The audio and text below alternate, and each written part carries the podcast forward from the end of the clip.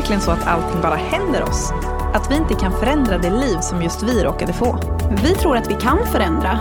Genom att lära oss av vår historia och ha empati för dels vår egen men också andras berättelser så kan vi faktiskt forma nya mönster. På så sätt kan vi leva ett liv i äkta relationer, både med våra medmänniskor men också med oss själva.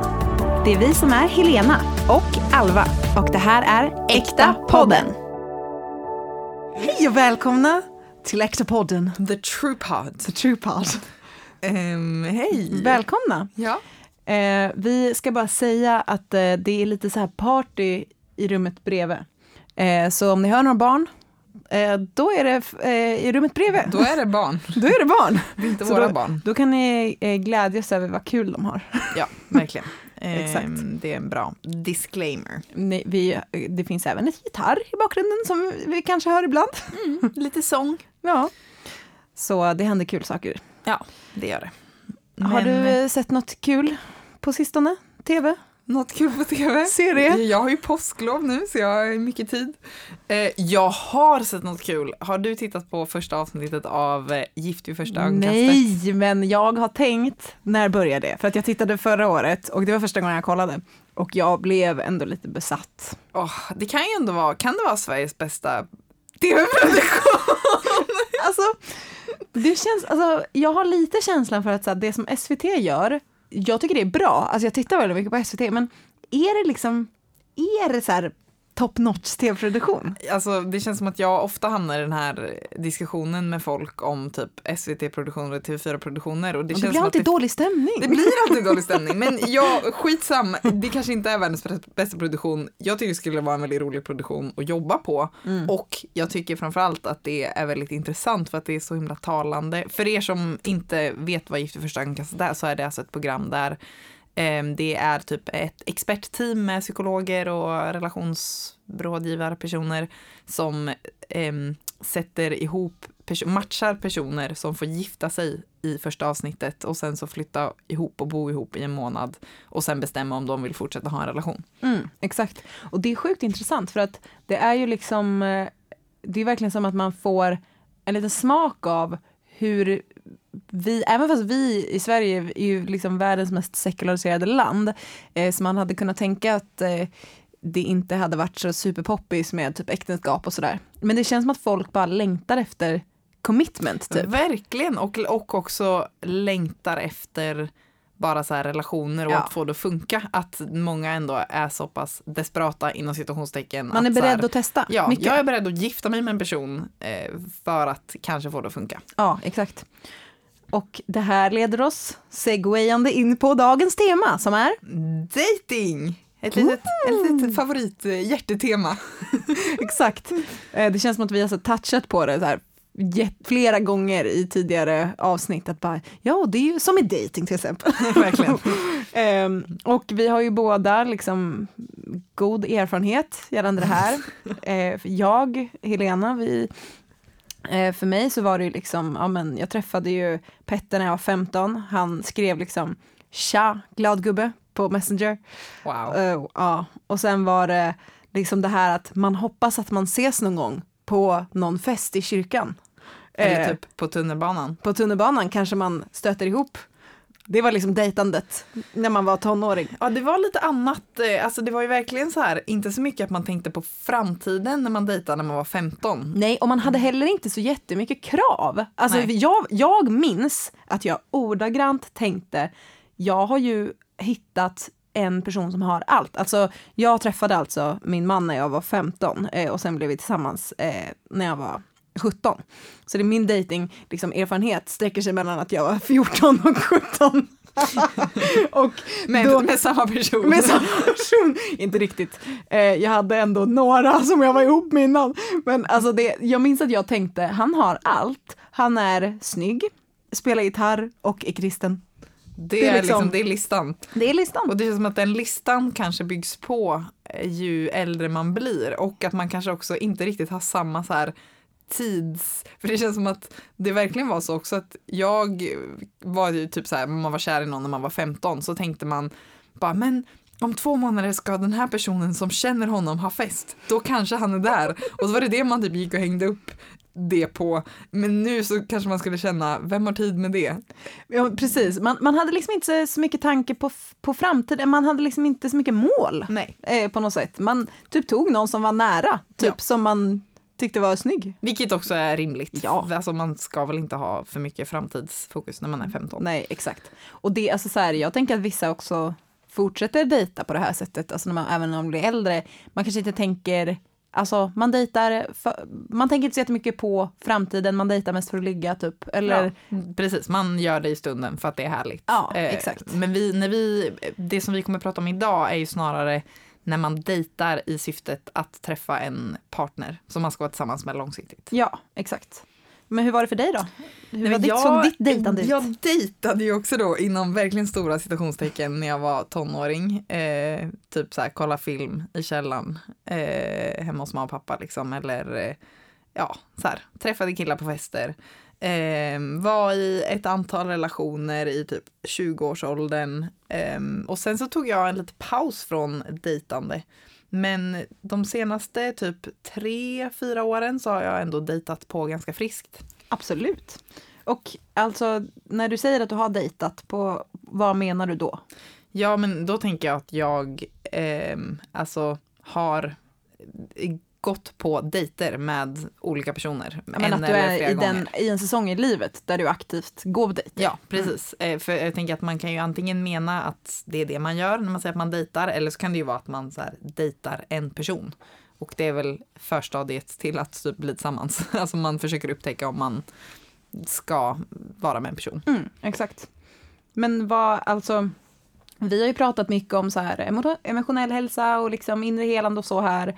Vad, varför hoppar vi plötsligt på att göra ett datingavsnitt? Vi tänkte till och med göra flera. Det här, är liksom första avsnittet i en serie. Exakt. Varför ska vi prata om det här? Eh, ja, alltså dating för alla som dejtar eller har dejtat tror jag kan skriva på att det väcker ju verkligen ens djupaste känslor. Eh, och vi har ju tidigare pratat om triggers, vilket är djupa känslor ehm, liksom från ens barndom som väcks i situationer som är i nutid. Ja. Och om det är någon gång man blir väldigt triggad så är det i, i dating. Ja, exakt. Och det är ju alltså alla de här, jag tänker att det är känslor av typ att känna sig övergiven, att inte känna sig liksom vald, att känna eh, sig dissad typ. Alltså mycket sådana känslor. Och jag tänker att det här med liksom, eh, att varför man är så triggad är för att man tänker, alltså inte medvetet, jag tror ingen tänker så här medvetet, men undermedvetet så tänker man att dejtingen ska liksom svara på de här stora inre frågorna som man har haft sedan man var barn. Alltså, är jag önskad? Är jag värd att älska? Eh, tillhör jag? Eh, kommer någon välja mig? Eh, så det är ju, om du någon gång har dejtat och känner orimligt stora känslor så är det ju helt eh, rimligt på något sätt. Verkligen, om man tänker att det är det här som står på spel. Att här, den här personen som jag har känt i typ någon eller några veckor ska bestämma om jag är värdefull eller om jag eh, är värd att väljas. Eh, då är det inte så konstigt att det är enorma känslor som väcks. Nej, men alltså verkligen. Men det som vi tänker ju att det blir problematiskt om man liksom ger någon annan, alltså vem som helst, inte bara i dejtingsituation, om man ger någon annan liksom den här rätten att bestämma kring mitt värde. Absolut. Så det är lite det vi ska prata om idag. Ja, men så här, hur navigerar man i det här? Mm. Och Hur, precis, hur tar man hand om de här känslorna som kommer upp i dating och kanske hjälpa er att navigera lite i vad, vad kommer de ifrån? Eh, vad är vad? Så att man har en bra utgångspunkt ja, i sitt dejtande. Exakt. Det känns som att vi, eh, när vi har bollat mycket kring, kring liksom dina dejter så det känns som att det är alltid frågan, vi bara, vad är vad? Ja, verkligen, för det är, det är sjukt svårt Ja. eh, att veta. Verkligen. Eh, vi har en, en stor inspirationskälla som heter Abby Stumble, eh, som eh, eh, mycket av det som hon pratar om eh, liksom pratar vi om här Ja. i Äkta-podden. Verkligen. Ehm, Det känns som att hon är typ urmoden till eh, mycket av det som vi så Ja, brinner för. verkligen. Och sen finns det massa andra personer, mellanhänder och, Mm. och såklart egna erfarenheter också. Men Precis.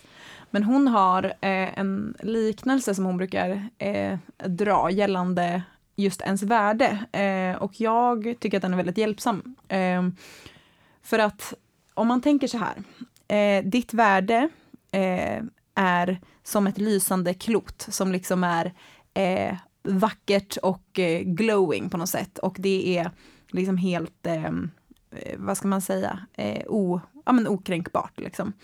Eh, och du håller den här, det här klotet. Eh, och då lyser det. Men så fort vi ger klotet till någon annan och tänker liksom, men du kanske kan bestämma mitt värde, du kanske kan säga vad jag är värd, eh, du kan eh, bestämma om jag eh, liksom är älskad.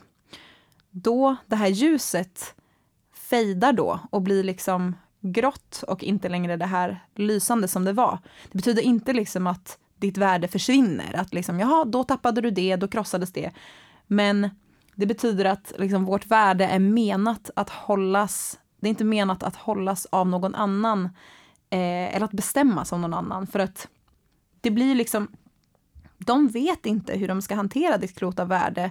Eh, de kanske inte ens vet att de håller i det. Alltså jag tänker, verkligen. eh, om jag liksom eh, ja, men har på något sätt gett dig makten att liksom eh, att bestämma vad jag ska tänka om mig själv. Du kanske inte ens vet att du har det. Liksom. Nej. Eh, Du kanske tappar klotet liksom. Eller jag kanske inte alltid är, liksom, agerar utifrån att så här, nu så tar Helena in det som jag säger som så här, det här talar in i mitt djupaste vem jag är. Nej, exakt. Eh, Så det blir också så här ett ansvar som man lägger på någon annan som den personen kanske inte ens har bett om Nej, att få eller vet och- att den har. Nej, exakt. Och inte är menad att ha. Alltså Nej. så här, det är värdet, det är liksom eh, det, lys, eh, det är liksom klotet. eh, Det glowar bäst när vi håller i det själva. Liksom. Mm, det är nice, jag gillar den ehm, bilden. Men på, alltså, det här känns ju som att det är väldigt vanligt i dejting just att man ger iväg det. Vad finns det för, för exempel liksom, hur, man, hur man kan eh, lägga sitt värde i andras händer när man dejtar? Alltså delvis tänker jag att, eller delvis, dels eh, så tänker jag att det kan vara att man går över sina egna gränser på olika sätt. Alltså det kan ju vara, eh, ja men om man tänker fysiska gränser så kanske det är att man har en känsla i sig själv att bara, men jag tycker om att känna mig emotionellt nära någon innan jag har sex med den personen eller innan jag är intim med den personen på andra sätt. Men så kanske man känner att så här, fast jag vill typ vara den personen till lags eller jag vill spela efter reglerna som jag tänker finns. Eh, och då, Eller typ så här, den personen kommer inte välja mig om jag sätter den här gränsen. ja precis, då riskerar jag att, eh, ja, men att bli bortvald eller att förlora det här som jag tänker att jag vill ha. Och då så går jag över min egen gräns och där tänker jag verkligen att då har man gett ifrån sig makten eh, över sitt värde på ett Mm. sätt. Eller att man kanske liksom eh, man glömmer bort vad man själv vill. Eh, Eller att ens ta reda på det. Typ. ja, ja, men verkligen. Att, så i, att ens ställa sig den frågan. Verkligen, att i ivern att liksom få någon annan att välja en så kan man tappa bort, bara, men vill jag ens vara med den personen? Mm. Ehm, alltså fattar du vad jag menar? Ja, men för det känns som att ehm, ofta i, i dating så vill man på något sätt att det ska vara det här att det är någon, någon är över någon är i överläge och någon är i underläge. Att liksom, men nu, det är jag som ska liksom, eh, eh, den, den här personen, det är som att jag redan har bestämt att så här, den är någon som jag vill ha och jag måste liksom sträva efter det. Den, jag är under den och ska liksom sträva upp mot typ den. det här är en person som eh, så här, bara objektivt sett är bättre än mig. Mm. Eller så här, jag går in i det här som en så här, ja men det är klart att den här personen ska jag vilja ha. Eh, Så nu ska jag bara försöka få honom att vilja ha mig tillbaka. Mm. Istället för att så stanna upp och bara, men vad vill jag? Exakt. Och det är ju det är väldigt van, alltså vanligt det här med Alltså inte bara i dating, med det här att liksom någon är över och någon är under. Att, att man tänker att det måste vara så. Och det kan ju vara Alltså det kan ju vara typ i dejting att det kanske är någon som är mer intresserad av den andra. Då är den plötsligt liksom i något slags underläge liksom. Eh, eller så kanske det är någon som är väldigt smart. Eh, som man känner sig lite sämre än liksom. Eller att någon bara har bättre koll på typ eh, sitt känsloliv. Mm. Och det kan ju bli en grej som känns som en makt. Absolut. Ett maktmedel. Och det här kan ju svänga alltså också i, även i en och samma relation liksom. Absolut. Men grejen är att ingen är ju över eller under. Alltså Mm. det är ju egentligen så här, var kommer det ens ifrån? För att Det är påhittat. Ja men båda är ju på samma plats, båda är ju i situationen på samma premisser, båda håller sin kula av värde och det är två personer som på något sätt ska avgöra eller ehm, komma fram till, är vi en bra match? Eh, skulle vi passa ihop? Typ, du får bestämma om du tror det och vad du vill och så får jag bestämma om jag tror det och vad jag vill. Ja, exakt. Alltså båda, eller så här, varje person har sin planhalva på Mm. något sätt. Eh, att eh, eh, ansvara för, eller vad man ska säga. Och även, men, även det här med liksom att tänka att någon är ond och någon är god, eller liksom eh, en är bra, en är dålig, en är bov, en är hjälte. Känns också som att man så gärna vill falla tillbaka på.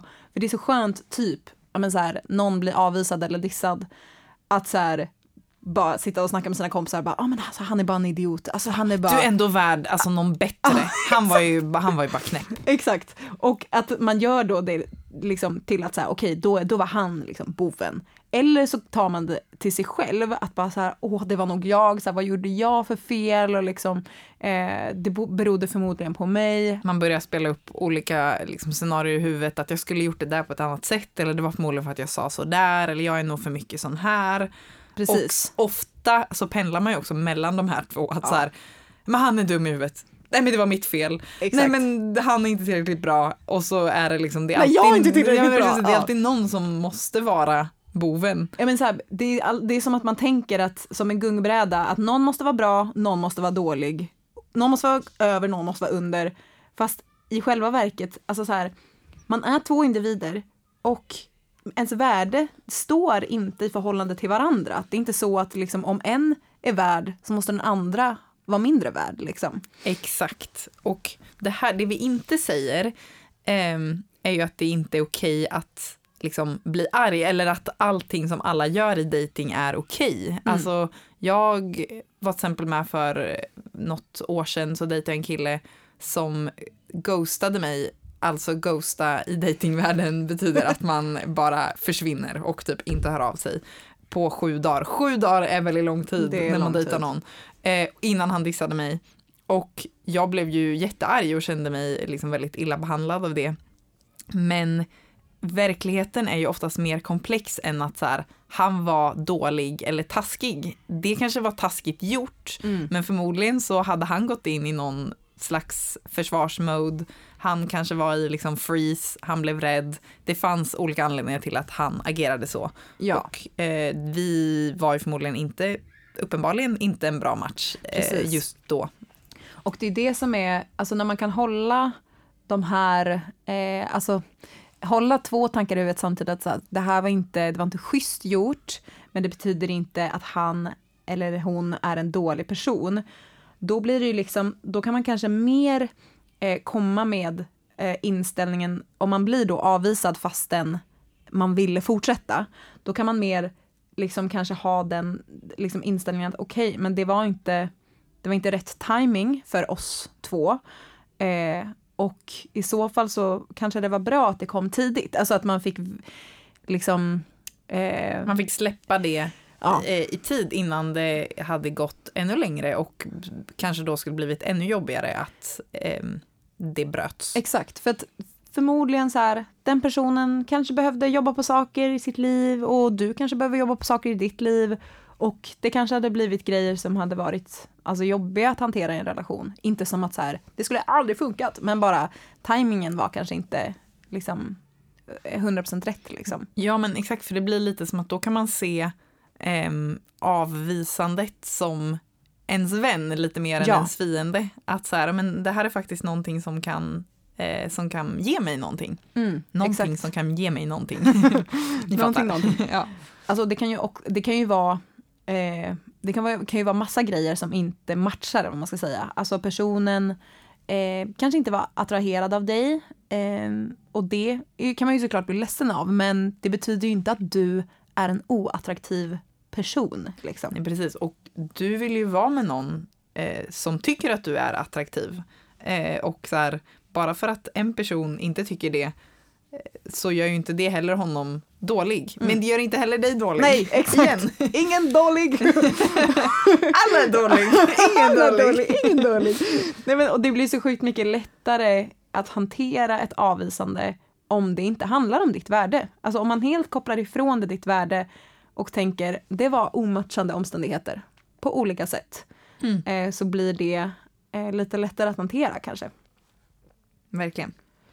Och eh, man kan ju också eh, träna på avvisning. Eller alltså, vi tror att det är bra att utsätta sig för att bli avvisad. Mm, sugen på det. Ja men det låter ju härligt, eller hur? Verkligen. jag ska nog liksom gå och liksom Gå, söka gå till gymmet och, och träna på avvisning. ja, precis. Nej men, ehm, alltså att bli avvisad av en person som man gärna skulle fortsatt att träffa eh, kan ju väcka sjukt starka känslor. Men om det händer då, då kan man ju liksom vara uppmärksam på eh, vad, vad är det som händer i mig? Exakt. Är det, eh, ja, men, vi har ju pratat om triggers tidigare då. Att en trigger är ju eh, ja, men, att, som vi sa, att det är någonting ur barndomen som liksom plockas fram av en situation som händer nu. Och ett tecken på det är att man har en väldigt stark reaktion, typ nivå 10 reaktion på en nivå 3 situation. Ja men alltså ett tydligt exempel, eh, alltså just då gällande avvisande till exempel i dating. är Att du kanske har träffat en person i fyra veckor och eh, den personen avslutar. Eller ni båda, det behöver inte ens vara att du blir avvisad utan så här, ni bestämmer att ni ska sluta ses.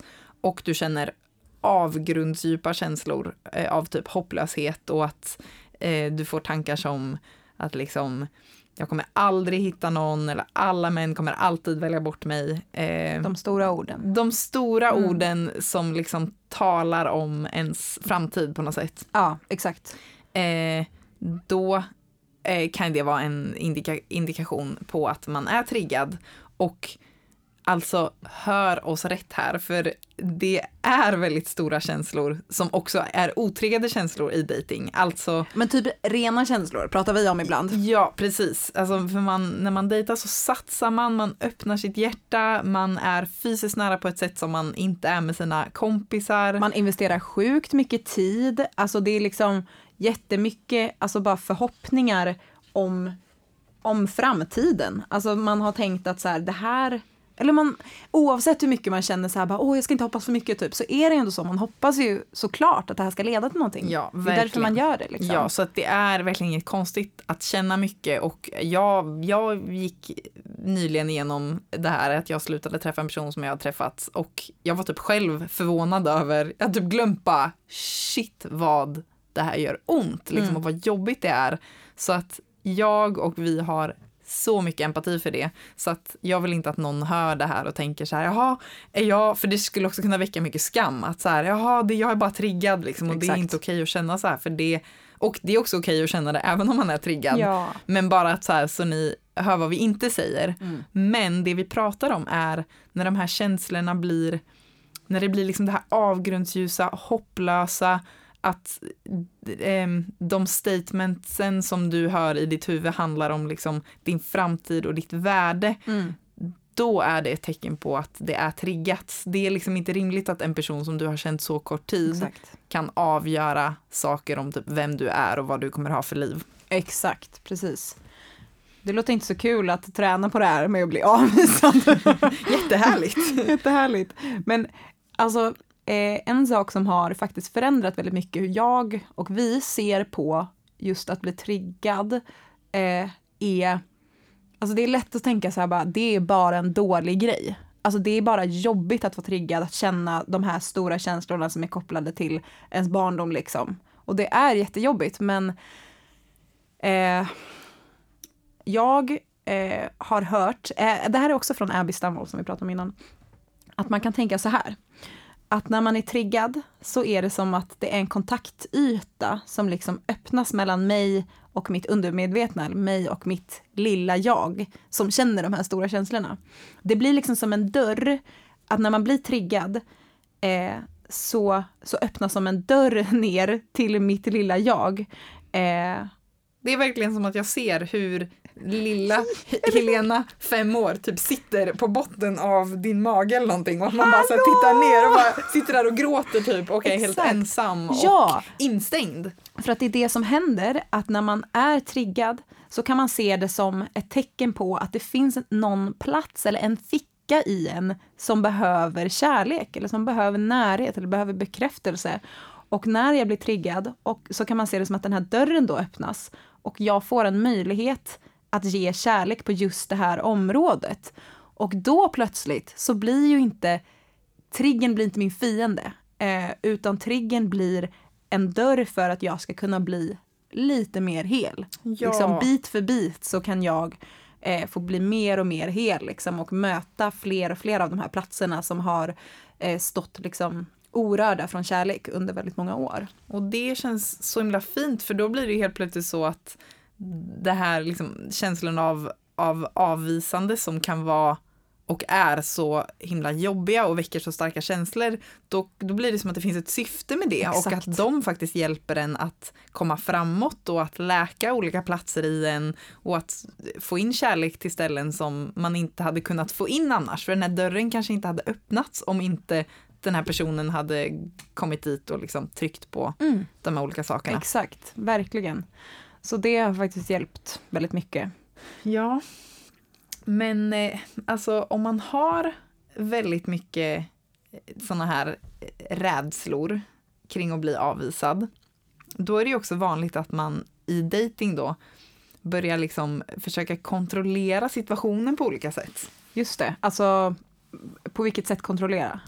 Nej men eh, typ att man till exempel eh, försöker göra sig mer älskvärd, alltså att man anpassar sig, att man tänker att den här personen vill nog att jag ska vara en lite mer eh, lugn person, så då så försöker jag vara lite mer lugn, eller ja, han verkar gilla när tjejer är så här, så jag ska försöka vara lite mer så här. Det är intressant för att jag, alltså, man kanske vid första anblicken inte tänker att det där är att kontrollera. Det Nej. kanske är så bara, nej jag är bara en härlig person, typ som känner in vad andra så här. vad andra vill ha. Nej men det är ju, alltså, det är ju verkligen en form av manipulation. Ja. För att jag gör någonting för att jag vill ha en viss respons hos dig. Alltså jag är typ oärlig med vem jag är för att jag vill att du ska ge mig det som jag tänker att jag behöver. Exakt. Och ett annat så här, sätt att kontrollera som är mer eh, som är mer lite på andra sidan är att om man märker liksom ja, men att den andra personen som man dejtar kanske liksom drar sig undan lite eh, så kanske man väljer okej men då avslutar jag först för att liksom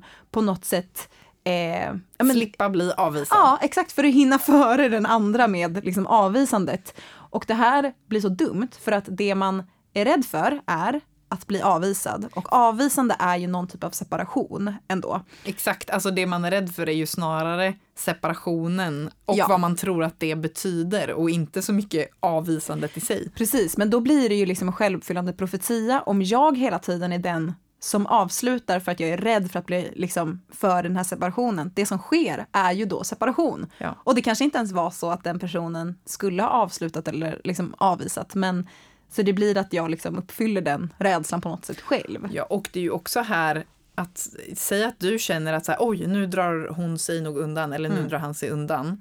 Det kan ju också vara det, det kan ju också vara att du blir triggad, alltså det kanske inte ens faktiskt är så, men man läser in så mycket i det och så Oh, ja. tänker man att så här, okej, men nu vill jag skydda mig och då behöver det ju inte vara att man, du kanske inte direkt Okej, men då skriver jag ett sms och säger det är slut. Utan du kanske så här, ja men då drar jag mig undan lite grann eh, för att skydda mig och Mm. Då kommer hon bli osäker, alltså att man skapar någon slags osäkerhet för där ute. Så att det kan ju vara på olika sätt man gör det här. Men eh, konsekvensen blir ju att man då, man driver på något sätt relationen till eh, att separation. Liksom. Mm, exakt. Så det är ju verkligen, eh, det här är ju lite olika sätt som man kan kontrollera, eller försöka kontrollera. Och oavsett hur mycket man än så här försöker kontrollera fram att inte bli avvisad så kommer ju det ändå ske.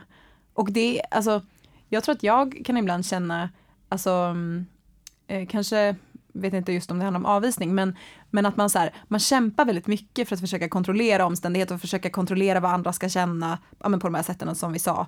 Och om det ändå typ skiter sig så är det så här bara, det var för att jag inte försökte tillräckligt. Ja, Fast ja verkligen. Det, det är inte så det är, eh, utan det är liksom ofrånkomligt att eh, när man har med människor att göra, att så här, det kommer ske avvisanden, det kommer ske eh, att man blir sårad liksom. Eh, Verkligen. Och nu, alltså jag tänker snarare, jag ser det snarare som ett tecken på att så här, okej, men ju mer jag blir avvisad, ju mer betyder det att jag också har varit öppen Ja. och att jag har så kommit med mitt kastat hjärta. det ut. Alltså det är klart att så här, det är ju en sak att man ska vara rädd med sitt hjärta, om sitt hjärta och inte göra saker som man vet att så här, det här kommer typ såra mig på ett onödigt sätt. Men jag tror ju inte heller att man ska leva och bara ständigt skydda sitt hjärta och hålla det stängt. Och att så här, när jag eh, så här, testar att fråga ut någon på en dejt eller testar att kolla om någon vill göra någonting med mig, ja men är sårbar på olika sätt, då utsätter jag mig för att bli avvisad. Så att man kan också se det som att så här, men det betydde också att jag tog en risk. ja, Eh, och det hade lika gärna kunnat eh, göra att jag blev, kände mig jätteälskad. ja, exakt. Vilket det också gör många ja, gånger. exakt. Eh, så det blir ju ändå eh, lättare med tiden. Eh, Alltså jag måste bara säga att det är väldigt kul för vi har liksom lite stödord och det står i våra stödnotes. Alva bekräftar. det blir lättare med tiden att bli avvisad. Alva bekräftar. Punkter. exakt. Eh, det blir det. Mm. Det blir det. Jag bekräftar. Ja, för du har tränat. Det har jag. Men det är ju, alltså, vi måste ju ändå så här, det, det är ju väldigt viktigt att ändå undersöka så här, varför är jag så rädd för att bli avvisad? Eller varför är jag så rädd? Det kan ju också vara, alltså, det kan ju också vara, varför är jag så rädd typ att, eh, eh, att gå in i en relation? Eller typ, varför är jag rädd att eh, folk eh, eh, tycker om mig? Alltså du vet, det kan ju vara massa saker man är rädd för. Absolut. Så, men att undersöka grunden till ens rädslor liksom. Det är superviktigt. Eh, men Har- vad kan det vara för olika anledningar till att man är avvisad? För att bara ge folk en, en idé. Liksom. Ja men exakt. Eh, ja, men till exempel så finns det ju eh, exempel, ja, men just på, på rädsla för att bli avvisad. Typ din pappa lämnade din familj när du var liten. Eh, eller kanske i vuxen ålder att du har haft en partner som har varit otrogen mot dig. Eller bara att du har varit i en relation, en lång relation som har tagit slut. Det Ja. kanske inte ens behöver varit otrohet, men Nej, det kan ju finnas verkligen. mycket så här rädsla för av, avvisande från en, gamla, en gammal relation. Exakt, eller liksom om, det kan ju också vara med typ kompisgäng, att man kanske aldrig riktigt har varit en del av ett kompisgäng, man kanske liksom aldrig riktigt har varit en självklar del liksom. Eh, så det kan ju vara, eh, vara massa sådana här liksom eh, grund, eh, vad ska man säga, grundproblem liksom. Mm. Om man struntar i att undersöka varför och man bara eh, då stannar vid men, han är en idiot eller jag är så oattraktiv, Mm. då så missar man en chans att ge kärlek till den platsen som vi pratade om innan. Exakt, det är därför det är så himla viktigt. Och det känns ju som att när vi inte undersöker varför eh, våra rädslor finns så leder ju det väldigt ofta till mönster i livet liksom generellt för att man gör sina val eh, baserat på sina rädslor. Eh, och om man inte liksom eh, frågar sig varför de finns så fortsätter man ju bara i samma liksom. Det, ens val drivs ju mycket av ens typ undermedvetna eh, trossystem. Exakt.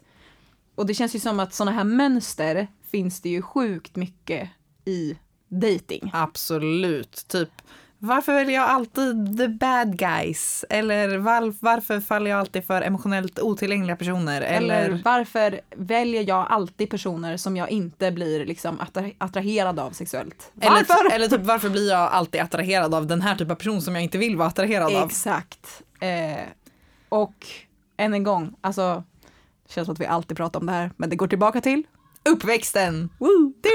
Eller typ tidigare tillfällen i livet. Ja, exakt.